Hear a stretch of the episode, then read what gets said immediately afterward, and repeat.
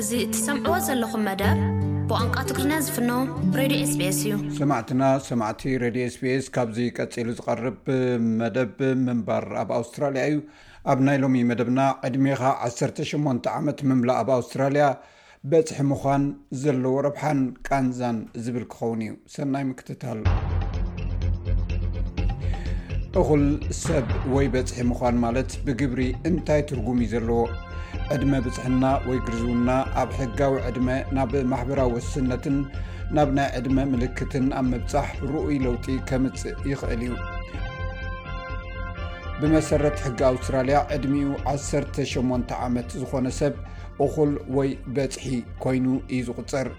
ላዕለወይቲ ጠበቓ ናይ መንእሰያት ሕጊ ኣውስትራልያ ኬት ሪቻርድሰን ኣብቲ ዕድመቲ ምብፃሕ ብሕጋዊ መገዲ ዝልወጡ ነገራት ትዝርዝር።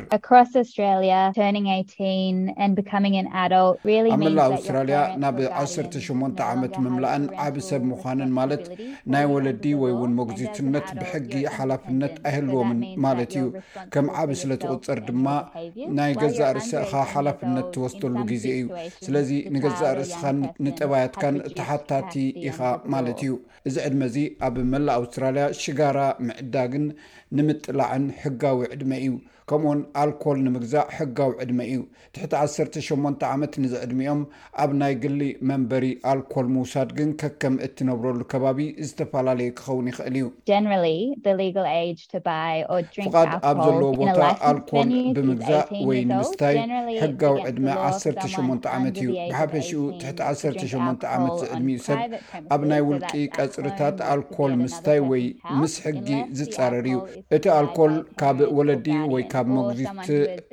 እንተዘይተዋሂቡ ወይ ካብ ወለዲ ወይ ካብ መግዚት ፍቓድ እንተዋህቦ ሰብ እንተዘይኮይኑ እዚ ኣብ ቤት ወይ ኣብ እንዳ ካልእ ሰብ ክኸውን ይኽእል እዩ ኣብ ዝተፈላለዩ ምምሕዳራት ግዝኣታትን ቴሪቶሪታትን ብፍላይ ብዛዕባ ኣብ ግሊ ቀፅርታት ዘሎ ትሕቲ ዕድመ በፅሒ ምስታይ ገለ ደቃይቅ ፍልልያት ኣሎ ስቲቨን ሮበርትስ ኣብ ዩኒቨርሲቲ ሞናሽ ፕሮፌሰር ትምህርትን ማሕበራዊ ፍትሕን እዩ ሓደ ካብቲ ምርምር ዝገብረሉ ነገራት መንእሰያት ናብ ብፅሕና ዝሰጋገርሉ መገዲ እዩ ብዛዕባ እቲ ሓደገኛ ዝኾነ ምብዛሕ ኣልኮላዊ መስተ ዘተሓሳስቦም ወለዲ ንደቆም ብዛዕባ ከጋጥሞም ዝኽእል ሓደጋ ክምህርዎም ወይ ክምዕድዎም ዝኽእሉ እኳ እንተኾኑ እዚ ኣብ ክውንነት እተመስረተ ኣረኣያ ክህልዎም ኣለዎም ይብል ከም ዝመስለኒ እቲ ቀንዲ ምኽሪ ብዛዕባ እቲ ክሕረም ዝግባእ ነጥቢ ብምቁራፅ ኣመና ዘይምፅቃጥ እዩ ንኣብነት መስተ ኣብ ባህሊ ኣውስትራሊያ ሱር ዝሰደደ ባህሊ እዩ ንቡር እዩ ብፍላይ ኣብቲ ሓደ መንእሰይ ዝገብሮ ብሕጊ ኣብ ዝፍቀደሉ እዋን ፀቕጢ ምግባር ብዙሕ ፋይዳ የብሉን ፕሮፌሰር ሮበርስ ወለዲ ንደቆም ናብ ብፅሕና ኣብ ምስጋር ክሕግዝዎም ዝኽእልሉ ሓደ መገዲ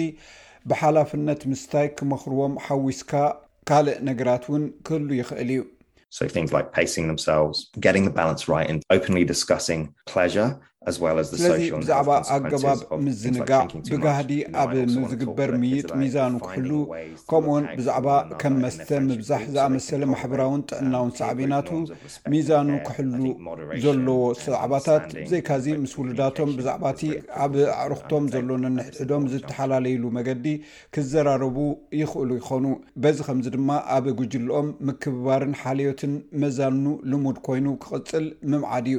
ሚዛናውነት፣ ምርዳእን ምዝራብን ሓሳብ ንሓሳብ ምልውዋጥ ኣዝዩ ኣገዳሲ እዩ። ሓደ ቆልዓ በጽሒ ምስ ኮነ፣ እታ ስድራቤት ማሕበራዊ ደገፍ ወይ ሰንተርሊንክ እትረኽቦ ጥቕምታት ክጸልዎ ይኽእል እዩ። ኣብ ኣውስትራልያ ናይ ኣገልግሎታት ዋና ማናጀር ዝኾነ ሃንክ ጆንግ ንናይ ፋሚሊ ታክስ በነፊት ናይ ናይ ክልተ ክፋል ክፍሊታት ንወለዲ ናይ ቆልዑት ናይ ምዕባይ ወጻኢታት ሓገዝ ከም ኣብነት ይጠቅስ። ክፍሊት ፓርት ኤ ክሳብ ዓሰርተ ክልተ ክፍሊ ክሳብ ዝመልኡ ክፍሊት ኣለዎ እቲ ካልእ ክፍሊ ክፍሊት ናይ ስድራ ቤት ግብሪ ወይ ፋሚሊ ታክስ በነፊት ፓርት ቢ እዩ እዚ ክፍሊት እዚ ንነፍሲ ወከፍ ስድራ ቤት ዝግበር ክፍሊት እዩ ብሓፈሻ እቲዚ ክፍሊት ናይ ምርካብ መሰል እዩ ዝውስኖ ይኹን እምበር እዚ ናይ ብሓቂ ኣብ ናይ ውልቂ ስድራ ኩነታት እዩ ዝምርኮስ ክሳብ ክንደይ ክፍሊት ፓርት ኤን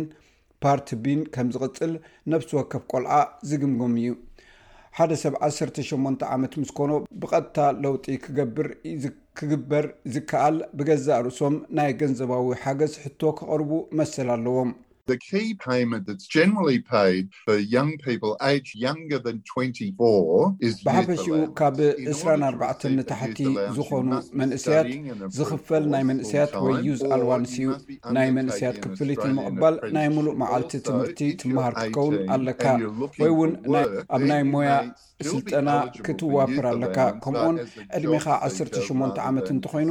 እሞ ስራሕ ትደሊ እንትኾንካ ገና ናይ መንእስያት ወይ ዩዝ ኣልዋንስ ክፍቀደልካ ይከኣል እዩ እንተኾነ ከም ተምሃራይ ዘይኮነ ከም ድላይ ስራሕ ኢኻ ተመልክት ሓደ ዓስርተ ሸሞንተ ዓመት ዝዕድሚኡ ሰብ ብሕጊ ገዛእ ርእሱ ዝኸኣለ እዩ እንተኾነ ግን ብዛዕባ ክፍሊት ዝምልከት ጉዳይ ክግምገም ከሎ ከም ጽግዕተኛ ክቑጸር ይከኣል እዩ። ሓደ ካብቲ ቀንዲ ግጉይ ርድኢት፣ ሰባት እቲ ቆልዓ ወዲ ዓሰርተ ሸሞንተ ዓመት ምስ ኮነ ናይ ዩዝ ኣልዋንስ ክፍሊት ክሓትት ከም ዝኽእል ኣይግንዘቡን እዮም። ዋላ እውን እቲ ናይ ወለዱ ኣታዊ ዝግምገም እንተኾነ፣ እቲ መንእሰይ ከመልክት ኣለዎ ናይ ምሉእ ግዜ ተምሃራይ ወይ ከዓ ኣደላይ ስራሕ ክሳዕ 22 ዓመት ዝኾኑ ፅግዕተኛ እዮም ዝቁፀሩ እዚ እንታይ ማለት እዩ ወለዲ ንዘለዎም ኣታዊ ኣብ ግምት ይኣቱ እዩ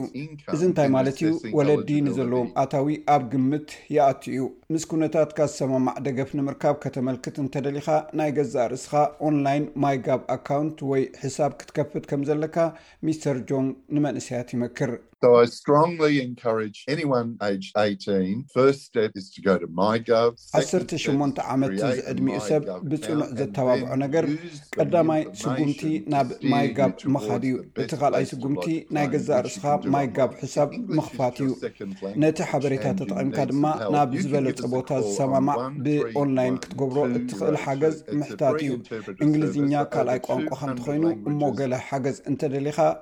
ብቁፅሪ ስልኪ ሚእትን ሰላሳን ሓደን ክልተ ሚእትን ክልተን ምድዋል ይከኣል እዩ። እዚ ንልዕሊ ክልተ ሚእቲ ቋንቋታት ብዘይ ክፍሊት ናይ ኣስተርጓማይ ኣገልግሎት ዝህብ እዩ። ብመሰረት ፕሮፌሰር ሮበርትስ ኣብ ኣውስትራልያ ናብ ብፅሕና ዝግበር ምስግጋር ምስ ናይ ዝሓለፈ ወለዶ ክነፃፀር ከሎ ኣብ ማሕበራዊ ልምድታትን ቁጠባዊ ኩነታትን ዓቢ ለውጢ ኣትዩ ኣሎ።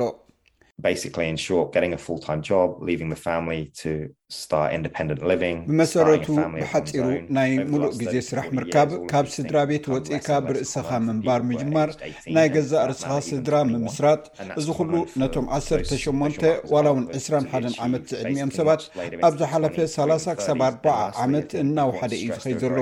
እዚ ማሕበራዊ ምልክታት እዚ ከዓ መብዛሕትኡ ግዜ ኣብ መወዳእታ ዕስራታት ወይ እውን ኣብ ሳላሳታት ምብፃሕ ልሙድ ኮይኑ ኣሎ። ብዙሓት መንእሰያት ነዚ ለውጥታት እዚ ንምግባር የደናጉይዎ ጥራይ ዘይኮነስ ሙሉእ ብሙሉእ እውን ዝነፅጉዎ እናበዝሑ ይኸዱ ኣለው።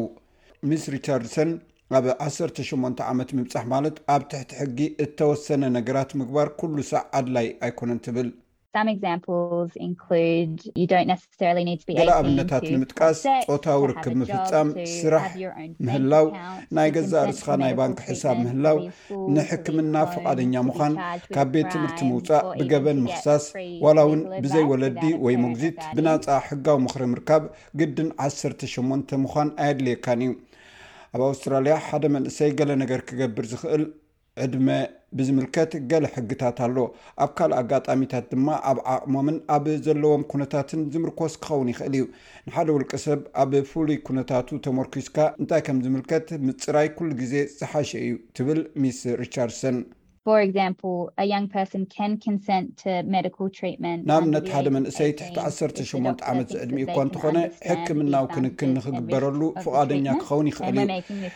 እቲ ሓኪም ነቲ ናይ ሕክምና ዘሎ ሓለፋታትን ሓደጋታትን ክርዳእ ይኽእል ኢሉ